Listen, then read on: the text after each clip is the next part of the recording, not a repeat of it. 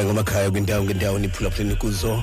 Xesha ke nje imizuzu elithoba ibethile empheni kwentsimbi yesixhenxe kumhlobo igama lam mnandi ngumzuku sikafaleni andami ndedwa ke njengesiqhelo ukhona udade wethu sibulisile ke emakhaya kwindawo zonke emphulaphuli eniphulaphuleni kuzo elami igama ndingunomonde ngavakalisa lixesha lemvuselelo kumhlobo we-fm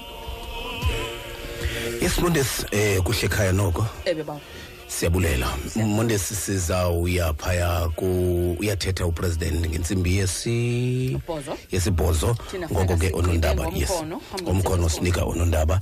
Eh ngoko ke sizawuzama ukukhawuleza ukwenzela uba eh kushiyeke nje. Kodwa ke namhlanje mondesi besifuna ukucela nje okokuba abaphulaphuli bomhlobo sino sino sino makhulu notamkhulu bethu.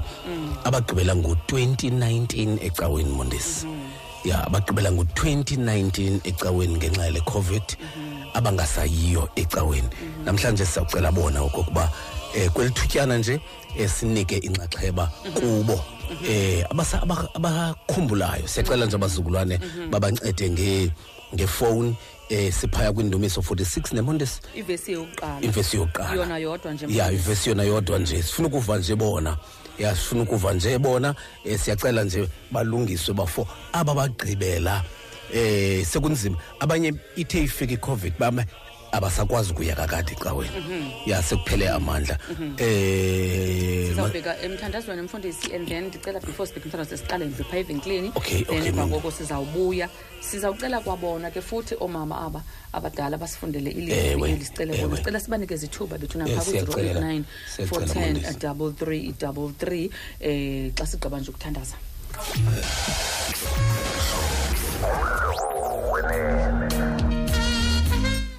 Siyathandaza mphulaphuli ekhaya. Bawo bethu egameni likayesu kristu wasenazaretha akekho uthixo ufana nawe. Akekho uthixo onjengawe. Akekho nolinganiswa nawe unenceba engazange yaphela incebe yathi yaphalala igolgotha yazuzeka impilo yethu. Somandla ngale njikalanga sesikhona. Ezinyaweni zakho siqubuda kwitrone yakho yobabalo sisithi bawo nangale njikalanga senzele inceba nangale njikalanga sicela ubabalo lwakho nangele njikalanga thixo namandla onke sicela ubukhona bakho moya oyingcwele ukuze thixo olungileyo sihambe nathi kule mvuselelo siphahle emacaleni ngoba unguthixo njalo wena ukulunga. Asikwazi ukuqalisa asikwazi ukuqhuba ngaphandle kwakho thixo namandla onke. Nakubeni nje sinomzuzwana thixo olungileyo nawe ngeli xesha nje. Siyaleza abantwana bakho abahlele emakhaya balinde ukuva izwi lakho uba somandla siyalazi izwi lakho aliboni kweli lambatha lingawenzanga umsebenzi ebeliwuthulile siyazi bakhona bazawuphila ngokuva nje thixo namandla onke ukuzwa ukuwa kwamazwi ngale njikalanga thixo namandla onke zamisa ukholo lwabo unkulunkulu wethu ongcwele. Intliziyo zelitye somandla afake ezenyama vuselela ithemba uqinisa amadolo. Thixo namandla onke asinanqaba yimbi asinahlathi limbi singabalekela kulo uligwiba lethu lihlathi lethu thixo olungileyo. Ezimbandezelweni ngenene ufumaneka uluncedo thixo namandla onke siyabulela bawo bethu. Siyabulela. apha unathi usigcinile thixo olungileyo. Athi umbhali kulowo unakho usigcina into yobana sibe asikawi nangeli xesha sibulela thixo namandla onke into okokubana siphantsi sawa nje kodwa sisindile ngenxa yobabalo lwakho nangenxa ngenxa yenceba yakho. Sikunikeza uzuko sikunikeza imbeko. Kekho uthixo njengawe ke bawo bethu akekho uthixo ongafaniswa nawe. Zubiseka nangale njikalanga thixo namandla onke. Konke sikucelayo sikucela ngalowo wasifelayo nguyesu kristu inkosi yethu. Amen. Amen.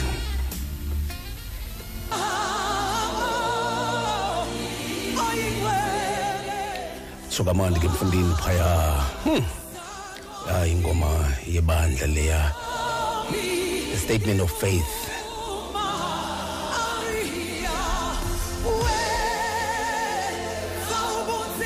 oh eight nine four one zero double three double three oh eight nine four one zero double three double three. Sicelile ke mphulaphula kokuba utorho singaba singabaphazamisi sacela nje nim- nim- nimnike izibheks zakhe. Zasifundela nje ivesi benye nimnike nje izibheks zakhe.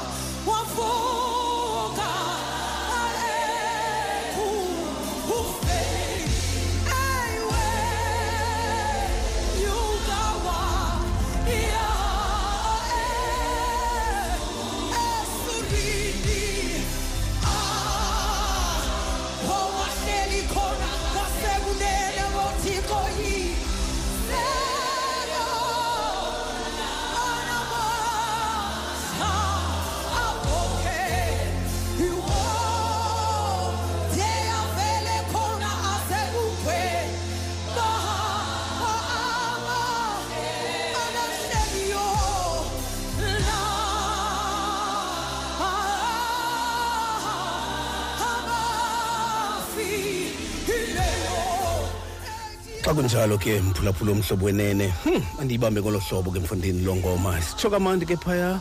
Eyitoli kwanguye ke usisikholeka ndiyakholwa kuthixo uyise unamandla onke.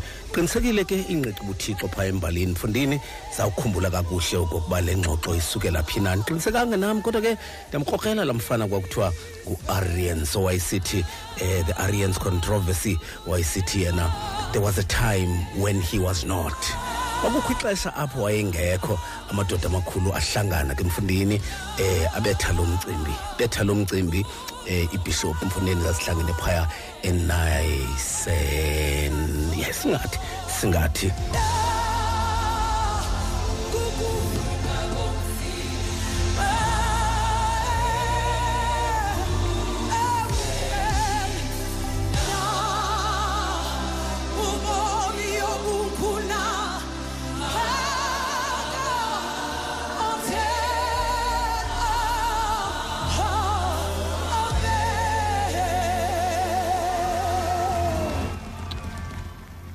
Sikumhlobo umuleni ekhaya. Sikumhlobo umuleni ekhaya. Sikumhlobo umuleni ekhaya. 0894103333 sikumhlobo umuleni ekhaya. 0894103333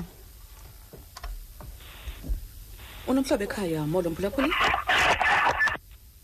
molweni ekhaya mhlobo 089 410 3333 sibulisile kwekhaya molo mhlobo. Andiyazi ke kwezikantoni kwezi lines ngoba bakhona abantu. Eh mondisi. Mm. molweni ekhaya molo mhlobo. Molo molo um sisinomonde. Molo mamam. Eh nakuwe umfundisi ufaleni. Molo mama. Ndiyacinga ukuthi ndivile kahle ukuthi sifunda kwindumiso 46 ewe mama. Ivesi yokuqala ivesi kuphela. yaqala kuphela. Ewe mama. Ewe masifunde nkosi yam xolo mama. Siyazi uba kwenzeka ntoni kwezi lines ewe. 089 sicela nisicuthele ke iradio. Bacutheleni kaloku omakhulu nomama iradio bethunana sibulisile kwekhaya molo mhlobo? Unomhlobo ekhaya molo? Right right molweni ma. Sibulisile kuwe ekhaya mhlobo molo. Unomhlobo ekhaya molo? Unomhlobo ekhaya molo? Hallo. unomhlobo ekhaya molo? Hey. molweni unomhlobo ekhaya? Molweni ekhaya? Hallo. molo molo tata. Unjani tata? siyaphila bawo ninjani ekhaya? Thina nale phone. hayi ikhona ikhona ikhona bawo ikhona. Cu- cuthani nje iradio nina apha emva? Siyakuva thina tata. Molo tata. Molo bawo. Sifike kubo kakuhle mondisi. Sizibize ingxaki yethu. Sifike kubo kakuhle ngabo apha. Ngabo ithethi kanye. thina le fowuni mani sifike kubo kakuhle. Eh. ya sikumhlobo molweni ekhaya. Ngathi khona ukhoyo mondisi. Molweni mhlobo ekhaya. Ufikile kumhlobo molo? Unomhlobo ekhaya? Molweni kumhlobo? Unomhlobo ekhaya molo kufuna maske si- si- si- silungiseze ekhaya ewe masilungiseze ekhaya mondesi eh siphinde sibazame Eh, uba uba uba sibafumani sabalinda phaya eh elizweni ewe kuba ilizwi lona eh kawu- saw- saw- sawulixela bangene ewe ewe mhlawumbi ku- kukho laa ngxaki yobamba ifowuni mondesi no- nofunda mhlawumbi ibunzinyana makesenje nje i-s3 ikuphathela imiboniso bhanyabhanya emikhulu yangeecawa uluhlu lukaspiderman ngalo juni utoby magwaya liqhawe lethu kuspiderman 3 nge-6 ze uemma stone igqiyazana elixakekileyo elihlangulwa ku-amazing spiderman abe nge-13 ukhona nojemmy fox esenza ezakhe ngokwemibane ku-amazing spider-man 2 nge-20 alandelwe nguspider-man homecoming onomdlali ophambili umichael kitton ngecawa ye-27 zikajuni ngo-half past 7 ebusuku. Open up wonwabele ispider-man franchise ye-s3 ngecawa ngo-half past 9 ku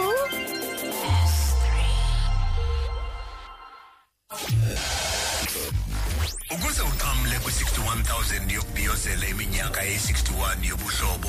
Thumela i-sms ku-45858 kule sms ubhala hashtag umhlobo wenene uyakhathala. igama nefani nenombolo sazisi yakho.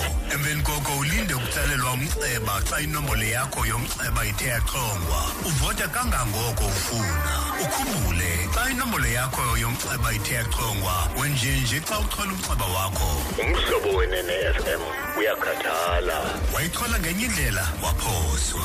I-sms nganye ixabisa i-1 rand 50 ii-sms zamahala zisebenzi kukho imimiselo nemiqathango.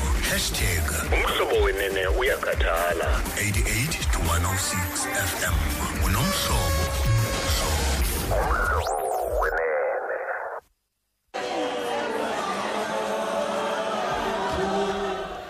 Xa kunjalo ke mphulaphula omhlobo wenene siphaya kumizuzu engamashumi amabini anesibini ibethile intsimbi yesixhenxe sikubulisile ngelihle igama lenkosi yethu yesu kristu.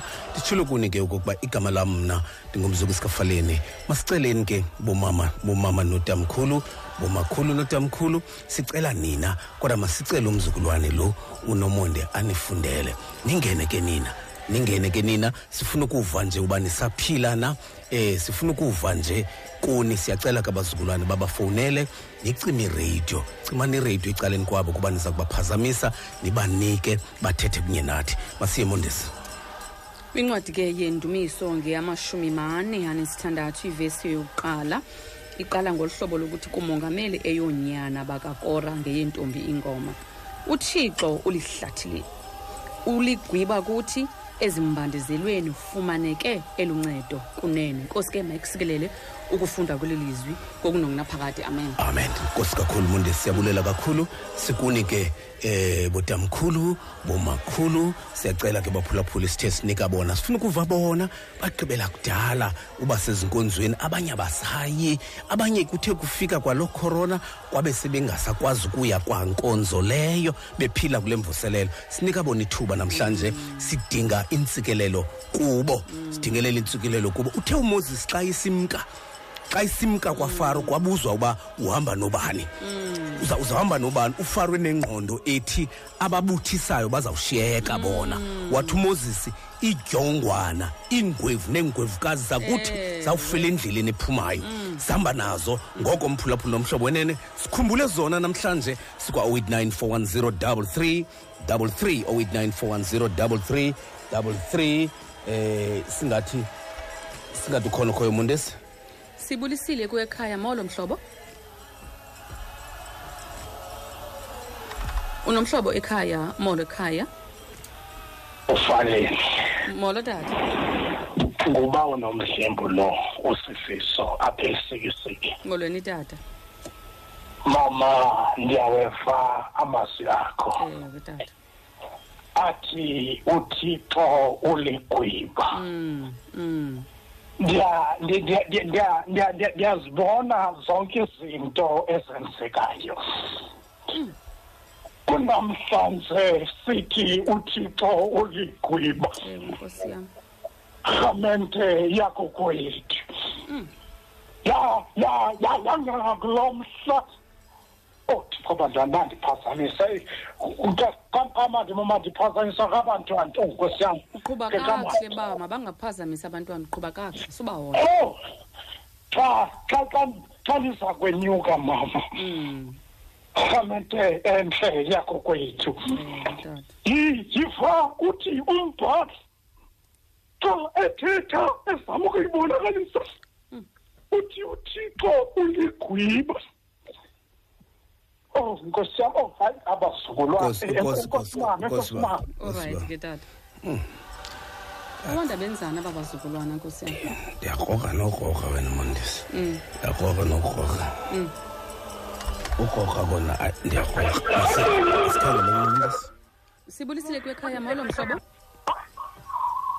unomhlobo? Ekhaya molweni hello ngicela ukumela umakhulu umcimele kumakhulu. sisinereyidwe va? Ya kumakhulu yes. Sizawumva umakhulu xa xa kungene umakhulu siza kuva naxa kungena utamkhulu sakuva torhwana. Hayi sawuyiva loo nto. Phela kwento esawuyiva yileyo sikumhlobo umuleni ekhaya. Kase sibanike nje imbeko wena. Ase sibanike nje imbeko sike sibanike nje imbeko ngakuhle. Sikumhlobo umuleni ekhaya. Sikumhlobo umuleni ekhaya. Kusayiwa kumakhulu. Eh, noba noba mondesi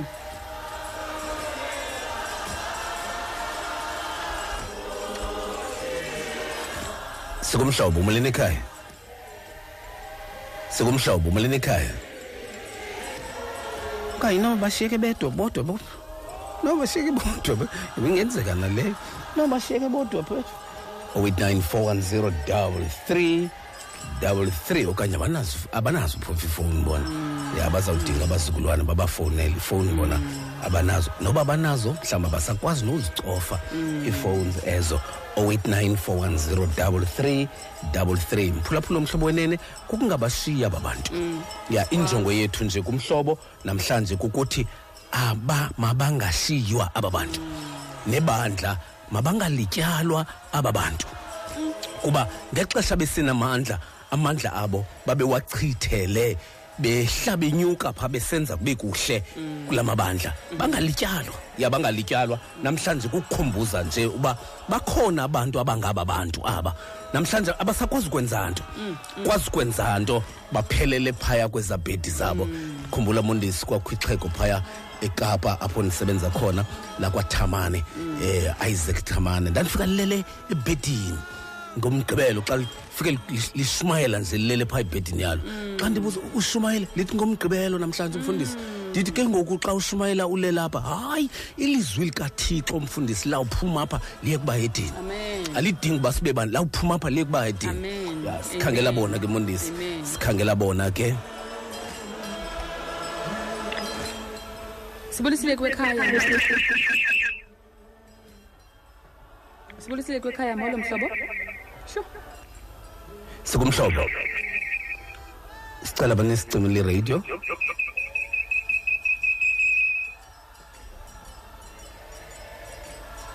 eh ndiyabomba eh makasikhangele omnye mondisi singathi khona khona unomhlobo ekhaya molo? Molweni ekhaya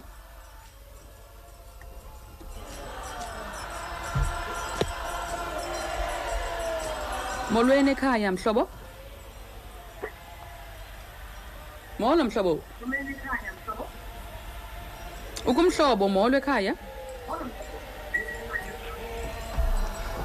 Ewe siba nayo nengxaki naba nabanye nje umondisi abafowunayo eh kawukhangele kathi ukhona omnye unomhlobo ekhaya molo. Ingxaki yethu mfundisi ngunomathotholo. Ewe Mm, kona ungena kukunayo kunomathotholo ingxaki yethu sibulisile kwekhaya molo mhlobo unomhlobo ekhaya molo eh mhlawumbi eh mhlambi mhlawumbi bayakwazi ufowuna wena mondisi babethwa la trick yoba bafuna ukucima iradio mm. sikumhlobo muleni ekhaya muleni ekhaya Hmm. hayi ndibomba ndibomba ngathi asiphumeleli mfundisi basizibizele umgalagala ngathi asiphumeleli ndiyabona mondisi um uyafuna siba uyafuna siba sizama bakhangela izibondekazi zakuthi madoda ewe ngathi sizibizele umgalagala makasikhangela sikumhlobo umuleni ekhaya awu madoda bezama nje sikumhlobo umuleni ekhaya ntoni madoda besiba bese sibakhumbule kangaka? Sikumhlobo umuleni ekhaya? Sikumhlobo? Sikumhlobo umuleni ekhaya?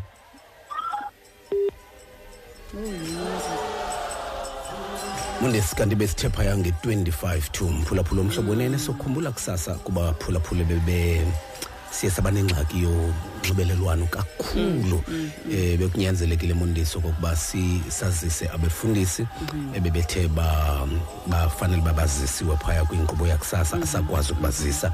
Phaya nge-25 to ke sakubazisa abo befundisi ngokufutshane kakhulu ngenxa yokokuba siye saqhawuka eh saqhawuka saqhawukelwa lunxibelelwano ke phaya kusasa mondesi eh kukholo nengqiqo. Eh siyaleqa ke mphulaphuli phaya ngekora 2 sabe sikushiya ukuze ke upresident weli lomzantsi afrika umnomzana uCyril Ramaphosa uza kubethetha nesizwe sinomdla ke ukuva okokuba ingaba ubhekeka kweliphina icala. Ake si ke sikhangele mhlawumbi nomonde sikumhlobo muleni ekhaya? Mfundisi. Molo bawo ngozithoba okukhulu nonomonde. Andingumuntu omdala kodwa ndifuna ukuaphila ndicele kubantakwethu abanamandla. Ukuba xa the agxothwa la manzi batsibe tanci make noko bami ngoba ingathi ikhona into yokukwenza ngamabomi leyo yonke le. Nto mm. Ndicinga uba mna into ba- bakhona abayenza ngamabomi le nto bathi gqiba bafowuni bavule iwayilesi ya noko make sinike ithuba aba bantu kuthiwa masibanike ithuba nto zakuthi Please. kosibawo siyabula Nkosi tata. nkosi Siyabule- kakhulu tata uyuhu siyabulela siyabulela kakhulu Nkosi ba. nona.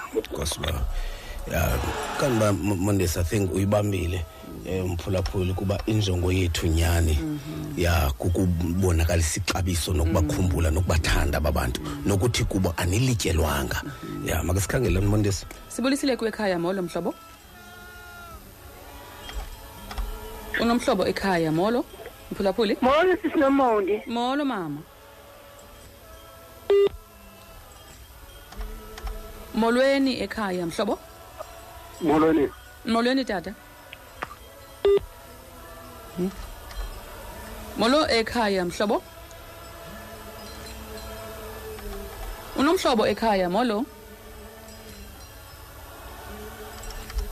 Molweni ekhaya mhlobo? Unomhlobo ekhaya molo inoba mondesi ithetha uthini le nto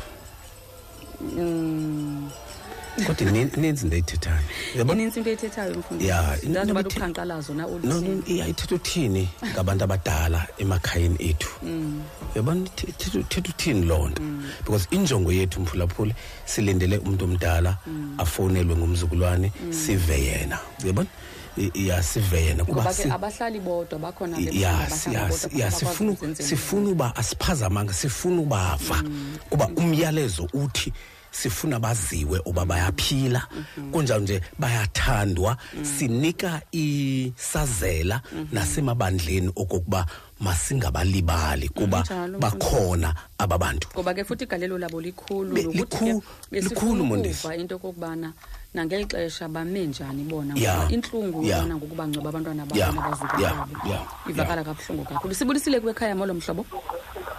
Molo sinono molweni tata kunjani kuhle bawe nkosi kunjani kuwe?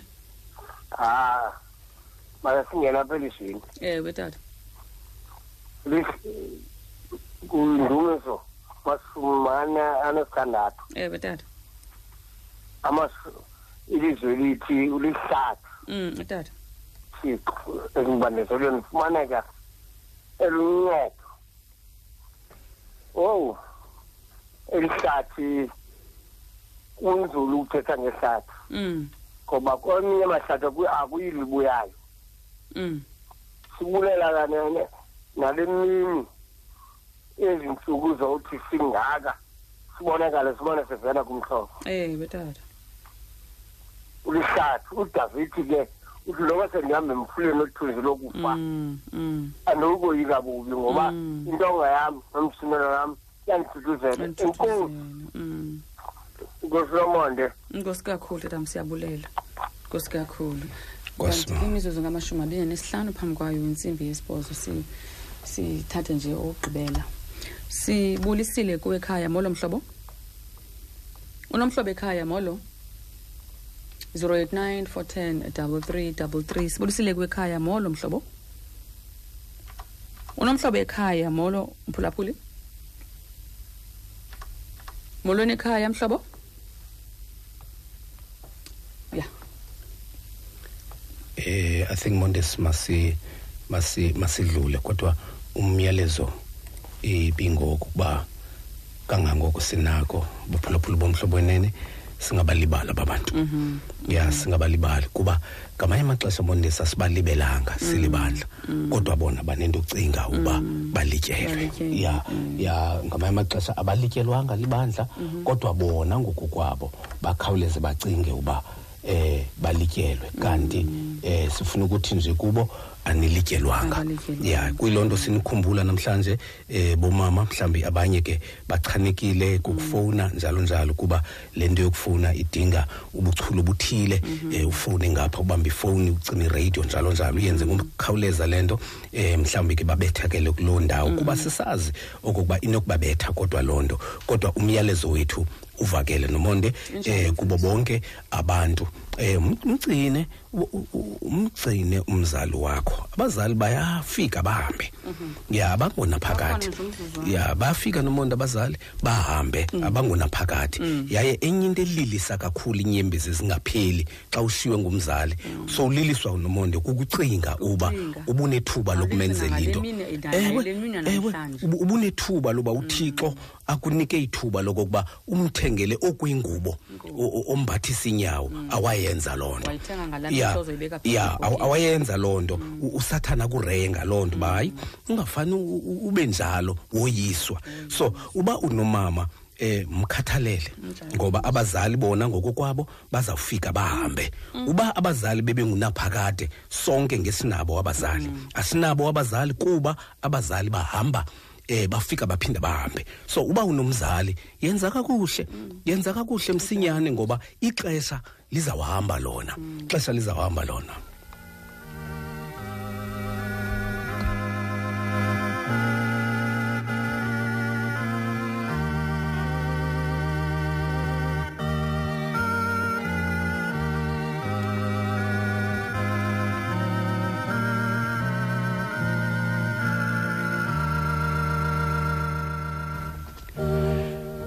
phulaphula umhlobo wenene besicelile ke okokuba siza kugqibezela nje phambi uba siye phaya kunondaba sikufundele nje ubomi obushwankathelweyo babefundisi bekufanele uba sikwazise kusasa kodwa sakwazi ukwenza kanjalo. Umfundisi usipho sydney ncaphayi webandla i-uniting presbyterian church in southern africa eh, amarhabe amanyanayo naye akasekho. Kuthiwa ke umfundisi lowo eh usebenze e-all saints presbyterian church ejuburtina saps eh njengechaplain emthatha eh khobonqaba ipresbyterian eadelaide st james presbyterian church ezwide. Kuthiwa ke ushiya ngasemva unkosikazi wakhe unowinile sydney ncaphayi nabantwana uluhle untombi zodwa uluzuko ezimasile kuthiwa ke umfundisi uyabekwa ke ngomhla we-13 kajulayi ekhayeni lakhe ephaya kwathema. Uthixo uxolo ke aniphathe ngenceba nobubele. Kanti ke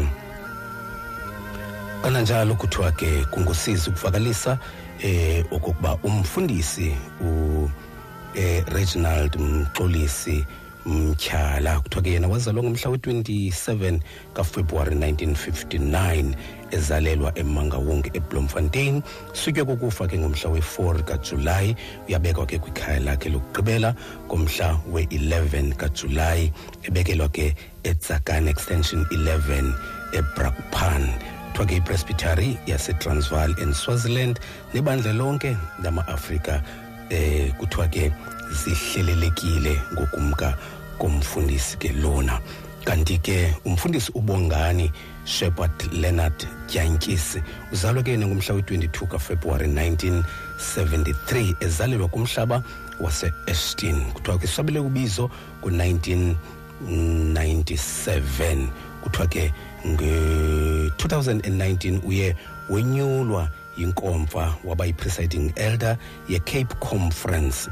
Umfundisi ke lo kuthiwa ke usebenze kwezi ndawo entabankulu emount frere eworcester kwalanga ekhayelitsha em ekhayelitsha kuthiwa ke nase-living water ame estrand. Ushiye ngasemva ke umfundisi wam unkosikazi wakhe unozuko tyankisi. Nabantwana bakhe ababini eh bongozuko nothandiweyo othandayo. Yes kuthiwa ke eh ngolwesithathu umhla we-13 kajulayi memorial service yakhe kuthiwa ke yena uyakubekwa ke ngomhla we-18 ka kajulayi.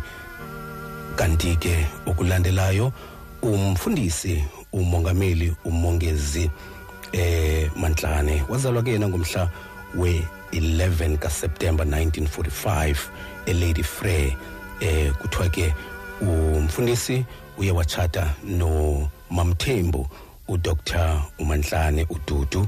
Kuthiwa ke basikelelwe ngabantwana abahlanu eh umfundisi lo ke wapasa ibanga leshumi eYellowtown ngo-1995 was kwaze ngo-1995 wasabela ubizo waze wabekwa izandla ebufundisini ipresbyterian church of africa ngo-1998 ngomnyaka ka-2018 eh wabekwa njengomongameli webandla. Kuthiwa ke eh abantwana bakhe eh ulusanda phumezo ongasekhoyo uthandile eh sinovuyo eh usibonelo nomzukulwane umisho. Shiya ke abantwana bantakwabo ababini lala ngoxolo senzwa mawawa. Siyabulela kakhulu ke eh mphulaphulu womhlobo siyafuna nje ukutsho kubo bonke eh izihlobo nezalamane ezithe zashiwa ngabantu babo okokuba ngakumbi ababefundisi kuba umfundisi lo ngumfundisi kodwa inyaniso kaThixo yokokuba ngutata wekhaya kunjalo nje ungumyeni kunkosikazi wakhe. Lonto yenza okokuba inxeba eli lihlabe kakhulu kwabo basondeleyo kuye abangabakhe. Siyafuna nje ukuthi kubo kulomakhaya banda kwethu inene nguye othabathayo ikwanguye nonikayo. Thixo uxolo makaniphathe kakuhle ngenceba nobubele. Le ndlela niza kuyihamba inde kakhulu kunjalo nje ayinasiphelo. Kodwa lowo ukhathalayo makanikhathalele nonke ukuze nibeke ezontandane zenu ngoxolo. Bekunga ukubekwa kwazo kungadala ulunye uxolo ezinhlizweni zenu. Anithuthuzele umthuthuzeli makube kuhle.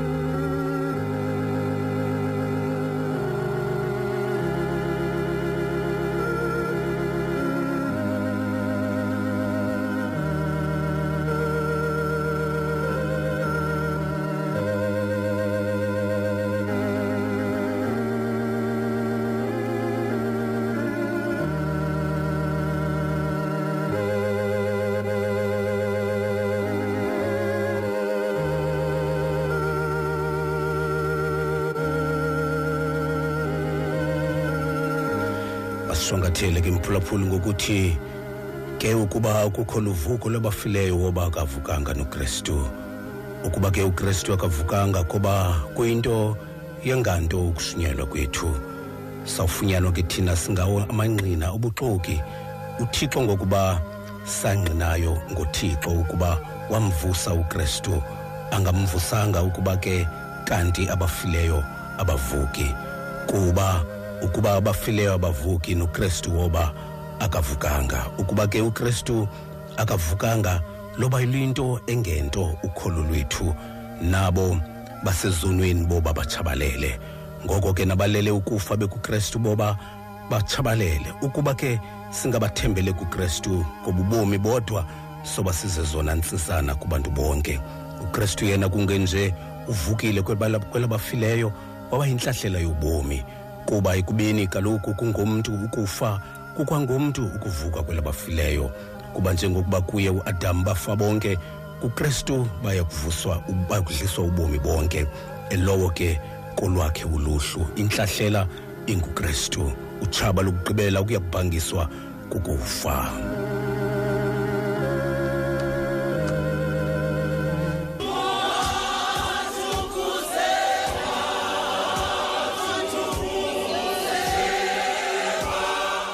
Mphulaphula mhlobo wenene xa kunjalo ke.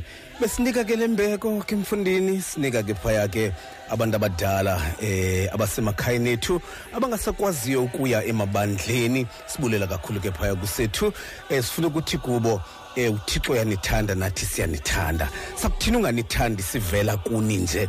Senziwe nini ukuze sibe ngabantu kubekho nina? Nenza saba ngabantu. Thixo uxolo makaniphathe ngenceba nobupele besizama ke okokuba sibe kunye nani eh kodwa ngelishwa sabona ke hayi kukhona eh ukuphazamiseka ukuthile ukudala okokuba singayokufikelela kuni kulungile. Noba sifikelelanga kuni kulungile kodwa ekubalulekileyo besifuna nje ukuthi kuni eh niyathandwa.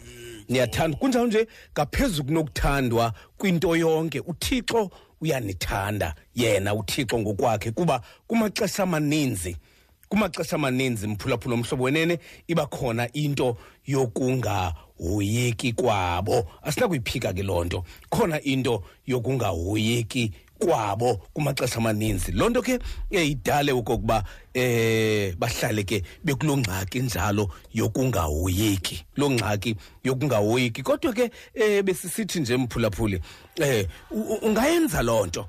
Ngayenza loo nto. Kwinto ezimbini ofuneka uzikhangele into ezimbini uyakuqhayisa usathana mhla bemka uba unento ukwazi ukuyenza yenze. Yenze into ukwazi ukuyenza yenze. Xa uyenza wenza indlela yokuzithuthuzela mhlangamini ethe shwaka ngoba ukuthi shwaka uzawuthi shwaka yena ngoba abazali abahlelanga apha kweli hlabathi bafika bahambe nowakho uzawuhamba. Kodwa uba usekhona yenza indlela yonke into oyenzayo kuye lo gama ephila mhla walala. Laa nto iza kuthuthuzela liya laa nto iza yile nto xa bebheke emangcwabeni abanye abantwana babuye bencumile babuye belila ngeliswe linye besithi hamba mama ebehamba tata ebendinokwenza ndikwenzile. Kodwa abanye babe nezingqurhu ezingapheliyo kuba usathana uthi awuyonto. Waxakwa kukuthenga nengubo yenja wombathisa umamakho wena. Notatakho wawuxakwe kumfinyisa efinyiswa ngabantu basenexdo ngoku ukhalela ntoni? Akuxhesha usathana.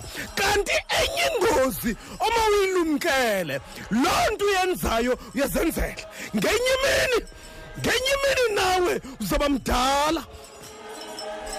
Ngenye imini nawe uzaba mdala nawe. Kodwa nje mhla waba mdala le nto uyenzayo ngoku kwabakho abadala yakwenziwa kuwe iphindaphindane loo nto.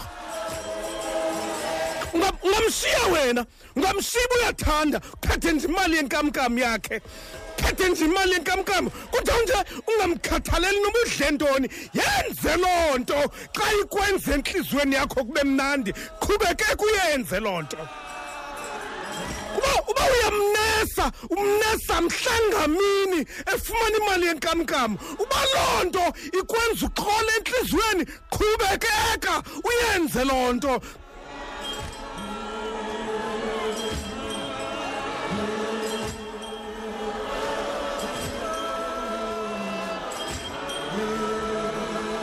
Kodwa ke kodwa ke kodwa ke hamba ngaloo ndlela kodwa hamba ngaloo ndlela kodwa ndiyakuthembisa soze ufike edamasko hamba ngale ndlela kodwa ndiyakuxelela inyaniso soze ufike edamasko uzawume edamasko uba usenaye uba usenaye. Zama zama icebo uba usenaye. Awenzeli na yena kangako? Uba mhlawumbi wenzela wena mhlangamini engekho ukuze usathana angaku angakubhuqi usathana okwerostirikuku eyenza loo nto um kwirostire. Ngoba uzakwenza loo nto usathana. Betha uzakwenza loo nto usathana ngoba akakoyiki. Kunjalo nje isengaziwa impilo wena oyenzayo kowakho umzali. Usathana uyayazi loo nto uyayirekhoda. Ndike ndithi ndike ndithi mphulaphula omhlobo wenene phaya ebandleni ndithi yabona Ndi- ndike ndibabone aba- abantwana bazana omama babo ecaweni. Bomba ayi intle le nto iyabuka iyabukeka. Khwele nomamakhe um notatakhe. Khwele nomamakhe eze naye enkonzweni ameke phaa i'm not impressed. A- and and and I- I- ndifuna ulinda mhlanga mina angakwazi ukuzacaweni mhlanga mina engakwazi ukuzihlamba. Mhlanga mini engakwazi ukuzityisa? Uthando lwakho lawubonakala ngaloo mindi. Okwangoku usabonisa abantu ah, ah, uyenzela wena loo nto. Mhlanga mini! Kuba ngamanye amaxesha kuba nzima noba ungumfundisi. Funeka uqele xa uzowubona umntu omdala awunothi gqibha ikopho nje awunowuye uyawuxabana nabantwana ngoba uyawufika ubone uba lo mntu lo uneminyaka wagqityela uhlanjwa. Indlu ahlala kuyo ikamera ahlala kuyo inene yonke into uyenzela phezu kwale bhedi. Ewethu kodwa imali yakhe yenkamnkam akho mntu uyaziyo uba yayokutshona phi. Uba uba uthanda imali yenkamnkam kamakhulu uba uthanda imali yenkamnkam kamakhulu ukodlula yena qhubekeka hamba ngaloo ndlela. Ndakulinda edamasko mna. Awuzudlula edamasko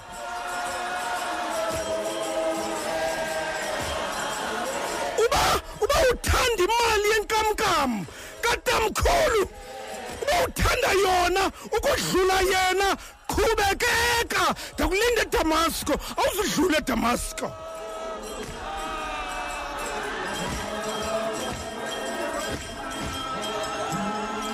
akaphazamanga uthixo. Ebagcinile nje akabaphaza akaphazamanga akabagcinanga uba mabahlikihlwe nguwe ngendlela othanda ngayo kuba umtsha wena. Akabagcinelanga wena kuba umtsha. Uba uyazi ke phofu uba ubagcinele ntoni? Akabagcinelanga wena.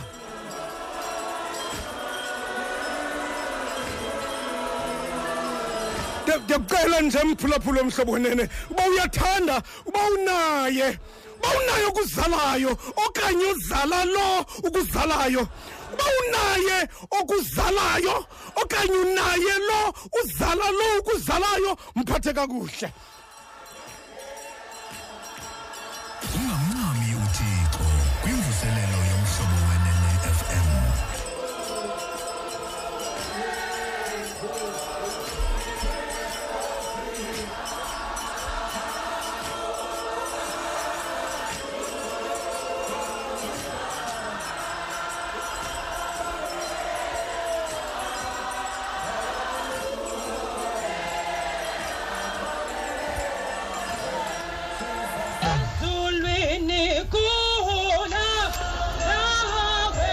Nanso nanso bogogo nanso nanso bomakhulu nanso botamkhulu Ama- amabandla enu ayanikhumbula torhwana. Siyanikhumbula mani siyanikhumbula.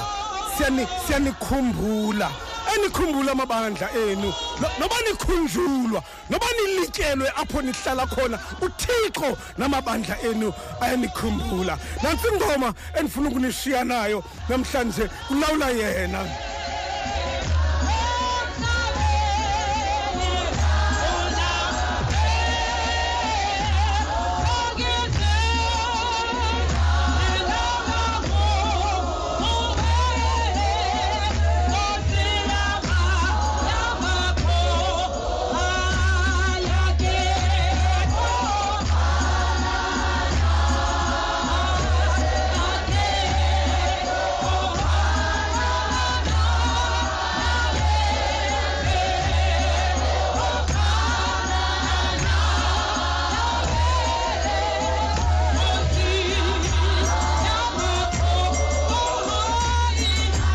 Umphulaphula omhlobo wenene. Unga unga uyaw- uyaw- uyaw- uyaw- uyaw- uyaw- uyawusola uyawusola abathakathi bengakwenzanga nto kanti kanti wazithakatha ngokwakho. Uyawusola abathakathi bengakwenzanga nto kanti oyena wazithakathayo wazithakatha ngokwakho wena. Kuba bakho bakhona abaphumeleleyo namhlanje. Bakhona abaphumeleleyo namhlanje ngoba nabo ayibobuciko babo nobugqwetha bengqondo yabo kodwa baphunyeleliswa kuba abalele emangcwabeni bathi mntanam phamba phamba batshone phamba ubomi buphele kubo. Bathi mntanam uthixo azahambe nawe eceleni kwendlela. Wanqwala uthixo ekwelesithathu izulu usahamba nabo nanamhlanje.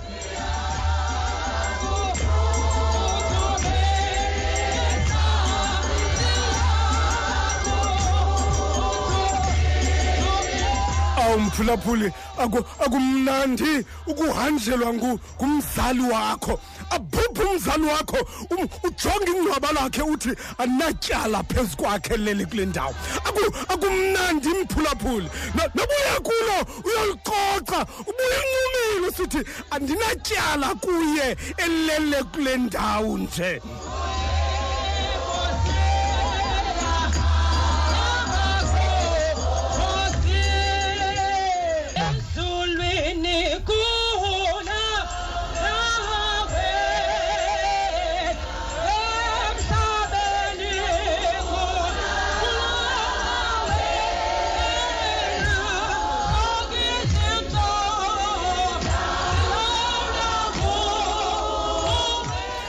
Bawethu ingcwele xa thixo wam siphelelwa ngamandla okuphatha ababantu kakuhle. Yihla wena ubaphathe kakuhle. Kabakho kakade benziwe nguwe. Bagcinwe nguwe ngesizathu sakho. Gcina ababantu thixo wam xa bengenamgcini xa beshiwe ngabo bebemele ukubagcina ungabashiyi wena. Awuthixo wam xa benganikwanga kutya into yakutya emini. Batyise wena ngokwakho. Ngoba thixo wam kakade wadlisa amasirayeli ngesonka owasixovula ngokwakho kwindawo ohlala kuyo. Xovule eso sonka thixo wam ubanike badle ngexesha lokuba bona benganikwanga nto yokudla. Awu nkosi yam yenza njalo. Kodwa ndiyakwazi uba unalo iswazi elingumphindwa uba utho ingcwele uyakuthi ngexesha elifanelekileyo uqeqeshe abo ba utho ingcwele bayilibele ingqeqesho yenza njalo somandla. Siyakuthandaza. Siyabacelela thixo wam. Abanye abakwazi ukulala ngenxa yentlungu zokuba badala baphumze kwezo lezo nhlungu bawuthe ingcwele baphathe ngesakho isandla ukuze kubekho namhla ngakumbi ngoba ubusuku uzibonakalisile okokuba uyabakhathalela banika ubuthongo bawuthe ingcwele. Awu nkosi yam bathandwa ngaba bathandayo baxatyisiwe ngaba baxabisileyo bathwale somandla enkosi ngabo. Awu soma linjani ilizwe elingenabantu abavela kulo? Bawuthe ingcwele ababethu ababantu bayimvelaphi yethu bagcine ubagcinele thina ukuze sizuze amava kubo. Ubabalo lenkosi yethu yesu kristu uthando likathixo ubudlelwane bomoya ingcwele. Phumle buhlale ukuthi idibuye inkosi yethu yesu kristu bonke abakholwayo bathi amen. Xa kunjalo ke siphinde sibonane ke mphulaphuli kwixesha elizayo ingathi sele khona ke apha eh um um um um um umsasazi lowa sele sele khona usibongile. Eh masimkhawulele ke kohlobo